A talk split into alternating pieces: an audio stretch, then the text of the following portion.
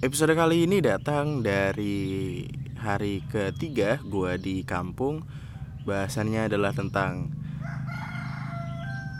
ayam Bahasannya adalah tentang kampung paling sans di dunia. Gue gak tahu sih kayaknya karena gue belum pernah ke kampung orang lain Tapi ini adalah kampung tersans yang pernah gue tahu. Nama gue Andri dan selamat datang di Lunatic Podcast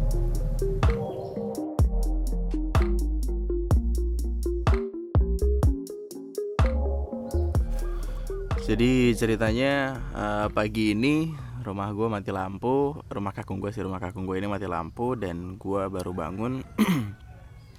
uh, semalam itu kan gue biasanya kalau ngupload podcast itu selalu jam 2 atau jam 3 karena di jam-jam segitu sinyalnya selalu kenceng kan Sinyal, sinyalnya itu lagi dapat bagus-bagusnya lah gitu intinya uh, semalam gue ngupload ngupload doang gitu. Jadi kan anchor tuh anchor tempat gua ngupload podcast ini kalau nggak di save itu nggak bakal kesimpan jadi mesti upload terus save gitu. Nah semalam gue cuma ngupload doang. Bangun-bangun tiba-tiba mati lampu semuanya. Laptop gua mati hp gua mati. Yang nyala ya cuma tes cam ini tersayang. Terus ya ya udah gitu rasanya gue bingung mau ngapain. Terus gue memilih untuk ngeberisikin telinga lu dengan hal-hal random yang ada di tempat ini. Random. Kenapa dari kemarin gue selalu random random. Random li. Di sini tuh asik tau sebenarnya tuh. Kayak kita nggak peduli kita kenal atau enggak sama orang itu. Kalau kita nyapa pasti disapa balik. Mantap dah. Uh,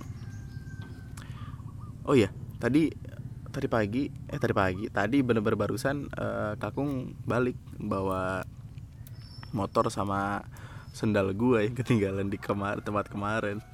Uh, lo yang belum tahu ceritanya ada di podcast gua sebelumnya ceritanya. Yang gua herankan adalah uh, kan itu kuncinya tuh masih nyantel ya masih nempel di motor. Dan sendal gue juga masih ada di sana tapi meskipun itu ada dari kemarin sore sampai sekarang tuh nggak hilang. Masih ada di tempat itu utuh kagak kagak kagak tahu-tahu jadi tinggal uh, batangan-batangan motor doang kagak. Bener-bener masih utuh. Dan itu hebatnya tempat ini sih karena tempat ini tuh sans parah sumpah gila. Jadi uh, kalau lu main ke kampung gua terus lu bawa motor ya motornya itu bakal eh kunci motor itu bakal nyantel aja gitu di motor dan nggak ada masalah sama itu. Orang-orang tuh pada sesantai itu di sini. Jadi mau lu bawa motor gede kayak kayaknya nggak bakal hilang dah di sini. Pun kalau hilang juga hilang itu bukan hilang yang dicuri orang hilang itu pasti hilang karena pengalaman-pengalaman lucu. Nanti deh nanti intinya motor yang kemarin gue bawa ke sungai itu masih bisa balik dengan selamat padahal kuncinya nyantel. Uh, gua rasa apakah gua nggak tahu apakah ini pendapat gue doang atau gimana tapi gua rasa kalau orang-orang di sini terlalu aman gitu ngerasa terlalu aman karena justru kalau mereka kuncinya tuh dibawa masuk waktu parkir motor di depan rumah orang terus kuncinya dibawa masuk gitu itu akan terdengar kayak uh, gimana ya menghina tempat tersebut ya apa gimana? Gue nggak ngerti. Jadi kayak loh kok lu di rumah gua? Kuncinya lu bawa masuk nggak? Lu cantelin di depan. Lu takut hilang. Emang lu nggak yakin sama rumah gua? Kalau rumah gua aman lu apa apaan sih? Katanya kita temen najis lucu gue pikir ya kayak gitu tau ya gue nggak ngerti juga. Soalnya gini loh uh, eh, gue punya tetangga di samping. Di samping di samping rumah kakung ini. Jadi rumah kakung gue ini rumah satu kotak depannya rumah lebejo kanannya itu uh, kayak kebun kecil ini yang tempat gue berdiri eh tempat gue duduk sekarang buat ngebikin podcast uh, kebun singkong sama sampingnya kebun semangka. Di samping kiri rumah kakung itu jalan setapak ke arah sawah dan di samping kirinya jalan setapak ini ada rumah salah satu teman gue yang dulu uh, waktu gue masih kecil katanya gue suka main sama dia yang padahal gue udah lupa gue main apa sama dia gue di sini cuma sampai umur lima tahun cuy. Jadi ya lupa lupa lah. Si tetangga gue ini namanya Aris uh, motornya hilang karena di pinjem orang. Jadi uh, ceritanya Aris lagi ke sawah. Ke sawah nih biasalah kan uh, pekerjaan orang-orang sini kalau nggak bercocok tanam mancing kan mancing ikan gitu uh, si Aris ini lagi di sawah. Lagi nandur gitulah atau lagi nyambut-nyambutnya rumput di sawah. Terus ada orang yang notabene dia kenal. Tapi kenalnya tuh nggak yang kenal deket gitu kayak temennya temen gitulah. Terus si orang ini tuh kayak uh, apa ya awalnya tuh ngeliat liatin motornya dulu. Wah Riz motormu apa Riz. Iya. tak sileh yo gitu. Dipinjem sama dia. Terus Arisnya ya karena karena pikirannya udah santai kan terus e, masyarakat sini juga udah baik gitu udah apa ya udah nggak patut dicurigain karena orang-orangnya dia kenal gitu kan. Toh pikir dia dia kenal kalau misalkan apa-apa bisa dicari gitu kan. Dipinjem ternyata nggak balik lagi. Dipinjam ditungguin sejam. Kok tidak ada-ada dua jam.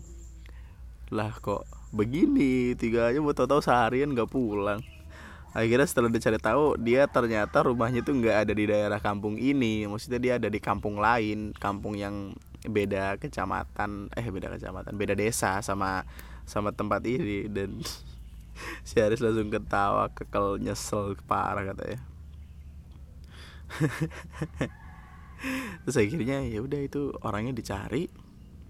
Waktu dicari emang ternyata kelakuan si orang ini tuh nggak beres gitu. Uh, turun temurun katanya. Jadi keluarganya juga emang kayak gitu dalam tanda kutip gitu. Terus akhirnya ya si orang ini kabur kabur kabur bener-bener kabur tapi kaburnya tuh make motornya si Aris ini. Dibawa kabur sama dia nggak tahu ke mana tapi akhirnya uh, ketangkep.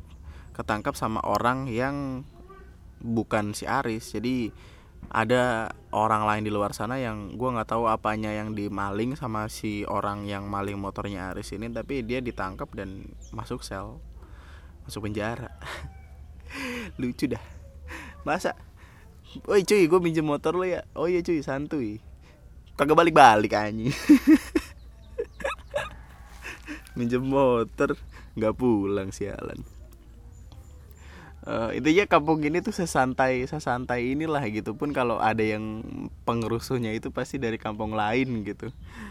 Kunci motor ditinggalin seharian semalaman kagak hilang tuh motor. Yang gue herankan sekarang adalah itu motor gue yang gue tinggal di sungai itu dari jauh pun dari jalanan pun kelihatan kalau kuncinya tuh masih nyantel. Dan e, lokasi si motor ini gue taruh di sungai antara motor ini sama rumah kakung itu agak bener-bener jauh lah gitu. Kehalang berapa rumah berapa jalan pokoknya cukup jauh dan ya lokasi itu juga ada kesama jalan yang bisa langsung lurus ke desa lain. Jadi kalau orang mau ngambil ya kayaknya akan sangat mudah untuk mereka ambil. Tapi ternyata enggak. Wah gila sih salut gue tempat ini. GG sumpah GG parah. Eh sebelumnya uh, eh, gue tinggal di eh gue tinggal gue pulang kampung uh, ke rumah kakung sama mbok e gue uh, nyokap sama bokap dari nyokap gue tempatnya ada di Lampung Tengah uh, sekitaran Rumbia. Mungkin kalau orang Lampung tuh agak-agak asing dengar namanya karena Rumbia itu kayak semacam kota ujung gitu loh udah di ujung banget gitu loh kota paling ujung lah. Nah terus dari Rumbia itu masih butuh waktu 2 sampai tiga jam buat masuk ke pelosok pelosok pelosok pelosok ke ujung ujung ujung. Ya sampai akhirnya tiba di tempat ini. Kayak kayak apa ya? Rasanya tuh lu buka maps terus tahu-tahu GPS lu mati karena nggak ada sinyal tiba-tiba lu uh, kelimpungan sendiri bingung sendiri tapi lu nya tetap jalan lu bingung sendiri bingung wah kiri kanan nggak ada orang nggak ada orang nggak ada orang. Terus sampai lu ngomong wah kayaknya gue nyasar deh. Nah itu lu nyampe di tempat gue lu lu baru bakal nyampe kampung gue kalau lu udah nyasar itu intinya. Kacau udah tempat. Jauh banget gelap banget sinyal kagak ada. Masa sinyal uh, di sinyal Telkomsel di sini itu kayak anak-anak Jakarta. Eji yoi. Eji itu juga yang di bawahnya di bawahnya 3G bahkan sialan.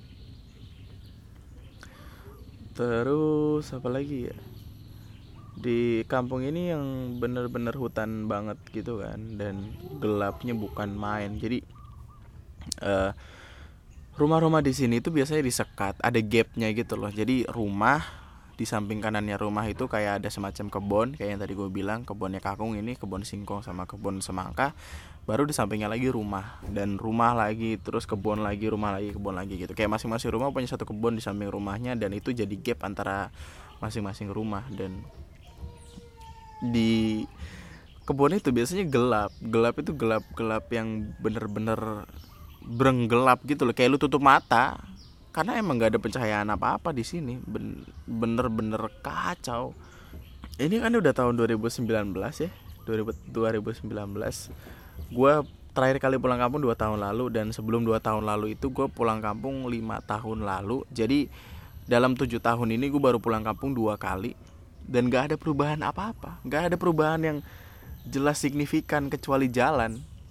Kecuali jalan yang udah mulai diaspal. Itu pun karena uh, warga-warga sini tuh uh, ngepus itulah ngepus pemerintahan sini terus gitu ngepus kecamatan sini terus.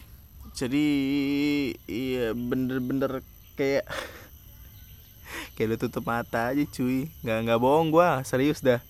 Uh, pernah kan gue bagiin di Instagram story gue ya bener-bener berenggelap gitu doang. Dan gue heran apa yang terjadi sebenarnya sama tempat ini.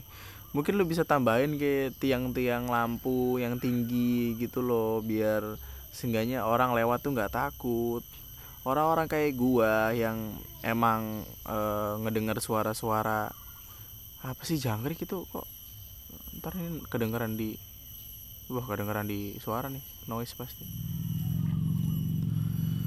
lalu perihal mata pencarian orang-orang sini karena saking ujungnya ya kayak yang gue bilang tadi orang-orang di sini tuh rata-rata uh, mereka bakal bercocok tanam gitu bakal nanam padi atau semangka semangka kan kadang kalau harganya lagi tinggi ya itu bisa bener-bener sampai kaya raya gitulah satu satu satu sawah satu hektar itu udah untungnya gila-gilaan gitu. tapi kalau harganya lagi rendah per kilonya uh, boncos juga sih. Jadi di sini tuh kayak bisnisnya tuh untung-untungan dan gue punya kayak semacam apa ya pak D gitu tapi nggak nggak sedarah. Satu dulur gitu satu dulur tapi nggak sedarah. Mereka uh, nanam semangka tapi rugi terus akhirnya mesti ngejual rumah ngejual tanah segala macam dan sekarang ya hidup dan bergantung dari kerjaan yang dilakuin di kota. Jadi um, mereka bakal kerja di kota entah nyari apa. Itu sekarang si dur gue ini dia lagi kerja di salah satu puskesmas gitu. Jadi apa ya kayak semacam yang bantu-bantu masak buat orang-orang sakit gitulah gue aja tuh di sini nggak tahu. Misalkan gue uh, keluarga gue mutusin buat tinggal di sini di kampung ini. Gue sama sekali nggak tahu mau ngapain. Nggak tahu gue nanam bercocok tanam gue Ih, mesti belajar macul dulu, mesti belajar ngarit dulu, mesti belajar nandur dan segala macemnya. Kalau itu pun kalau gue bisa.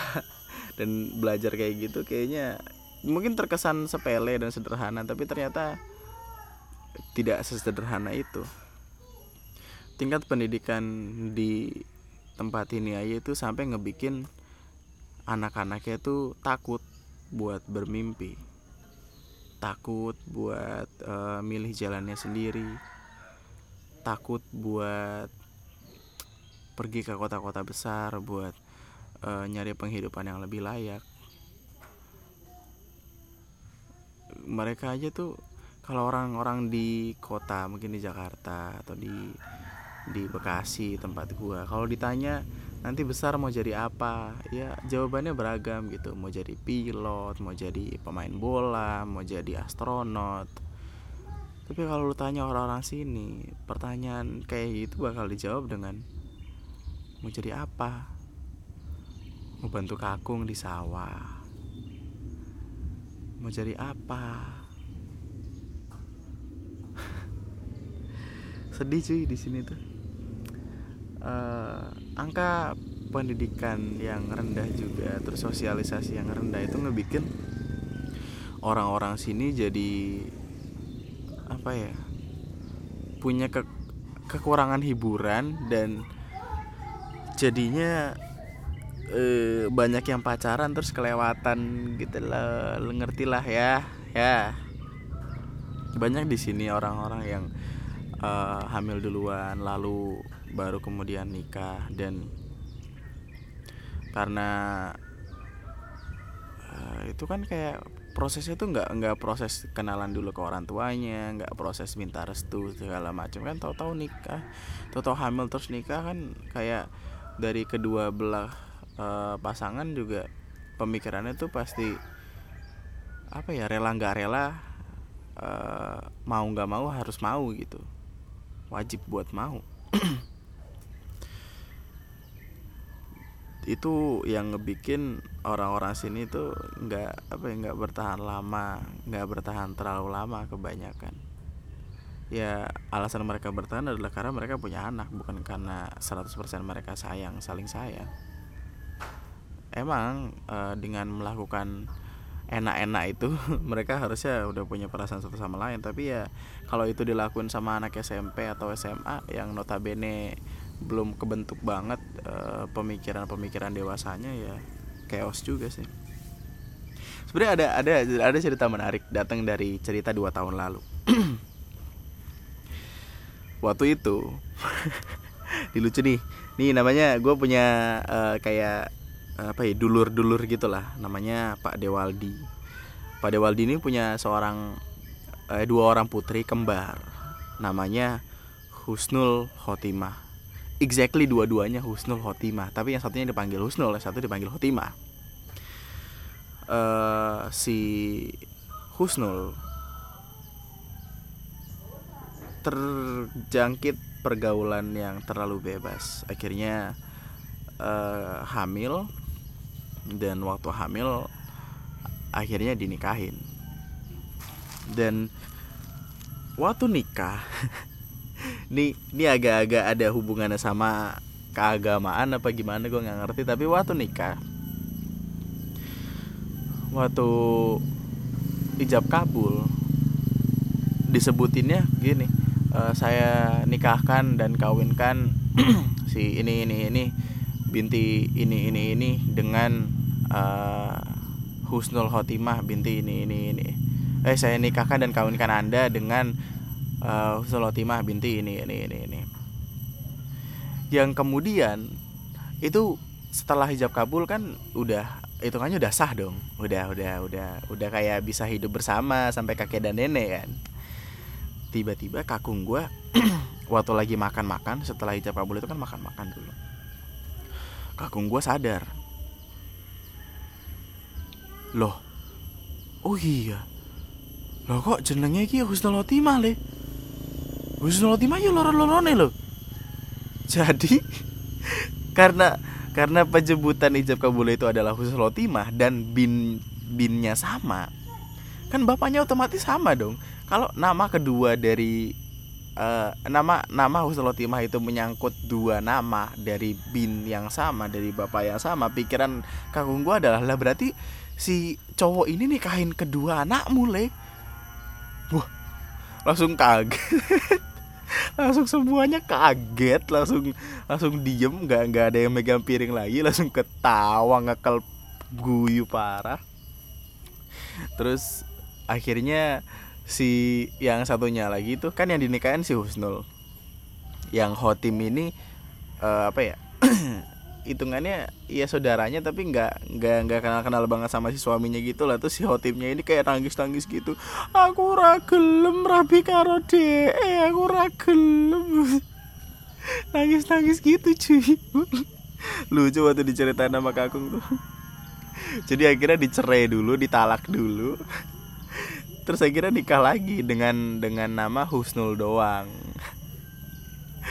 Si jadi intinya si Hotim si yang satunya ini dia udah menjadi janda bahkan sebelum menikah. Beneran. Waduh kacau sih. Itu ada-ada aja semua orang-orang sini tuh kelakuannya. Chaos parah. Dan itu tuh untungnya penghulunya tuh belum pulang. Karena penghulunya tuh kalau udah pulang dicarinya tuh susah. Dan gue nggak ngerti apakah harus dengan penghulu yang sama atau gimana? Tapi kalau misalkan penghulunya udah pulang ya si cowok ini bakal punya dua istri. Elah ada dia aja. Saya kira nikah lah terus punya anak. Anaknya lucu. Uh, siapa namanya? Lupa. Anaknya putih lucu gitu. Dan dua tahun lalu waktu gue pulang kampung ke sini itu tuh kan posisinya si yang satunya tuh si Wisnu udah nikah si Pak Dewaldi si bapaknya dari Hotim sama Husnul ini uh, ngajak ngobrol gue jadi gue ceritanya main ke rumah dia tuh waktu lebaran. Tuh lebaran nih main ke rumahnya kan. Ucul ucul ucul ucul gitu. Eh pade salam salam. Gue nyalim gitu kan. Lo hene hotim nih gini gitu oh ya waktu gue nyampe gue ngobrol-ngobrol kan langsung sama Pak Dewaldi uh, Pak Dewaldi ini nanyain nanyain tentang gua yang benar-benar spesifik gitu kayak kerja di mana tinggalnya di mana bekasinya bekasi mana gitu gitu kan. Terus gue bilang gue uh, aku kerja neng Bekasi deh eh neng Jakarta deh aku tinggalnya Bekasi gitu. Terus tiba-tiba jatuh di pertanyaan di mana wah kerja kerjanya enak ya berarti? Gajinya gede dong. Ya alhamdulillah lah gitu. Gue bilang alhamdulillah gitu. Terus dia tiba-tiba nanya piror piro gajinya neng kota gitu gue sebutin nominalnya. Yang udah gue kurangin setengah mati kan karena gue nggak enak gitu. Takutnya ter terkesan sombong. Tiba-tiba dia langsung menyuruh Hotim untuk membuatkan gue kopi.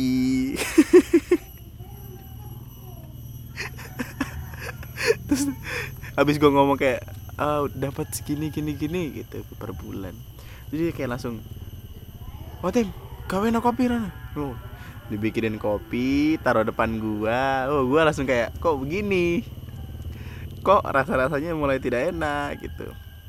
Terus dia tahu-tahu ngomong uh, iya kan Husnul wes rapi Husnul udah nikah. Terus uh, Hotim iki SMA engko yen Hotim iki wes lulus sekolah apa ya kowe mau rabi karo anakku. No, dibilang gitu. Intinya apakah gua pengen nikah sama anaknya nanti? Jadi kayak gue dijodohin aja gue baru pulang kampung. Itu kan dua tahun lalu artinya gue uh, pulang kampung pertama setelah lima tahun gak pulang kan. Dan gue setelah pulang kampung itu tahu-tahu gue disuruh nikah sama anak orang cuy maksud gue apakah mereka nggak mikirin konsep kalau nikah itu artinya akan sehidup semati dan artinya harus uh, saling saling mengerti isi kepala satu sama lain dan masa gue tahu-tahu di lama eh dijodohin sama anak orang aja gue balik ke rumah gue ceritain ke nyokap gue nyokap gue ketawa ngekal parah. Masa dijodohin anjir tahun 2000 berapa itu? 2000 sekarang udah 2017 udah tiga terakhir pulang kampung. Dijodohin. Berasa zaman situ Nurbaya si abang ide. Kampung ini tuh punya banyak cerita terlalu banyak cerita di sini dan ceritanya menarik menarik untuk kita tertawakan bersama gitu untuk kita kagumi bersama untuk kita rasanya kayak pulang kampung ke sini tuh bener-bener kayak ya ada di surganya dunia gitu loh. Karena di sini tuh nggak nggak perlu mikirin yang terlalu pusing. Kalau di kota kan kita mikirnya besok makan apa kerjaan gimana invoice sudah lancar atau belum. Di sini ya pikirannya adalah ke sawah makan bisa makan atau enggak tidur eh, ngobrol-ngobrol sama tetangga nandur. Ya bener-bener bener-bener desa yang yang desa aja dan sangat amat menyenangkan untuk tinggal di sini karena di sini tuh orang-orangnya gue lihat kelihatan awet muda gitu loh. Meskipun kaku sama boy gue umurnya udah 70 70-an 70 80 masih kelihatan seger masih kelihatan muda dan ya apa ya enggak enggak sakit yang terlalu parah. Sakit-sakitan ya emang pasti ada lah namanya juga umur kan. Tapi ya yang enggak enggak enggak parah-parah amat juga rambutnya aja itu masih pada hitam cuy. Belum belum belum putih acan. Kagak ada putih putihan acan. Gile mantep banget ya. Ini gara-gara gara-gara makanannya sehat juga sih di sini. Di sini tuh kemarin gua habis ngobrol-ngobrol sama Aris kan yang yang motornya hilang itu. Terus dia ngomong sama gua ya di kota kan kepikirannya lu mesti makan atau apa. Jadi kayak pemasukannya sama pengeluarannya masih dihitung. Lah di desa di sini Dri pemasukannya itu ya ada tapi pengeluaran buat makan ya kita tinggal nyari aja di sawah. Ada daun singkong ya kita makan cabai yo tinggal metik uh, iwak yo tinggal mancing gitu gitu ya orang enak sego yang nganggo tiwul wah jagung. Pikiran orang sini sangat amat sederhana dan dengan menyederhanakan pikiran dengan kita nggak stres sama banyak hal ya kita bakal jadi lebih bahagia tidak kepikiran cicilan bulanan. Tidak kepikiran uh, caranya untuk membuat tetangga iri dan dengki dengan kita tuh bagaimana? Di sini nggak ada cuy. Yang namanya lebaran tuh main main uh, gede-gedean cincin gede-gedean kalung kagak. Di sini mah lebaran ya salaman santuy. Uh, ya.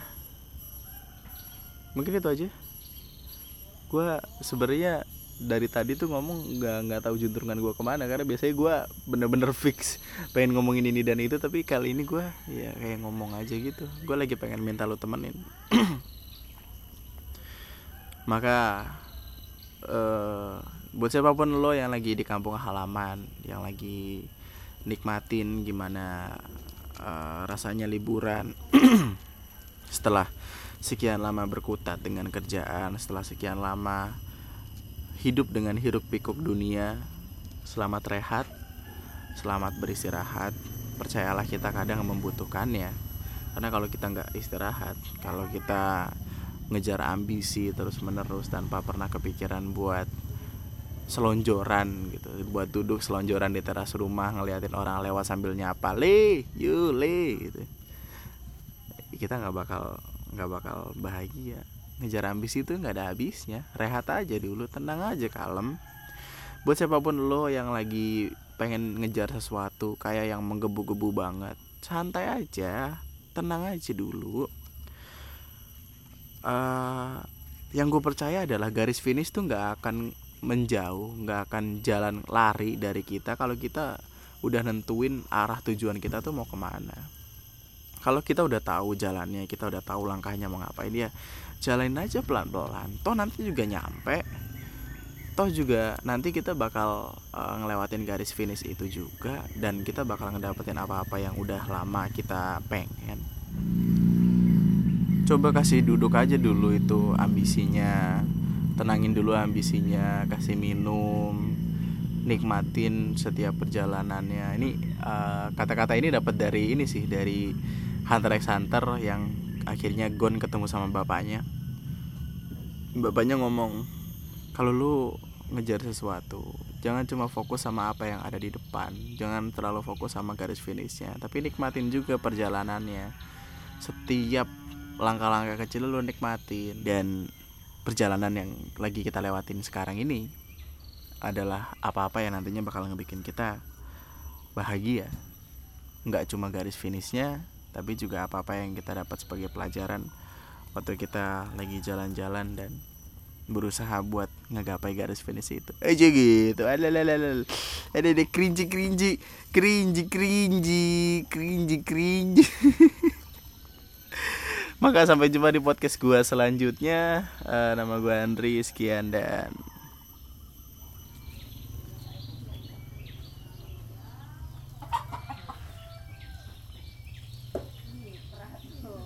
Helah, aku gitu telepite. Makanya pakai sendal, Mas. Sendal kuning buri ya. Ya Allah, ini air mati ya? Enggak. Pergi dong. Coba tolong mohon maaf nih. Terima kasih.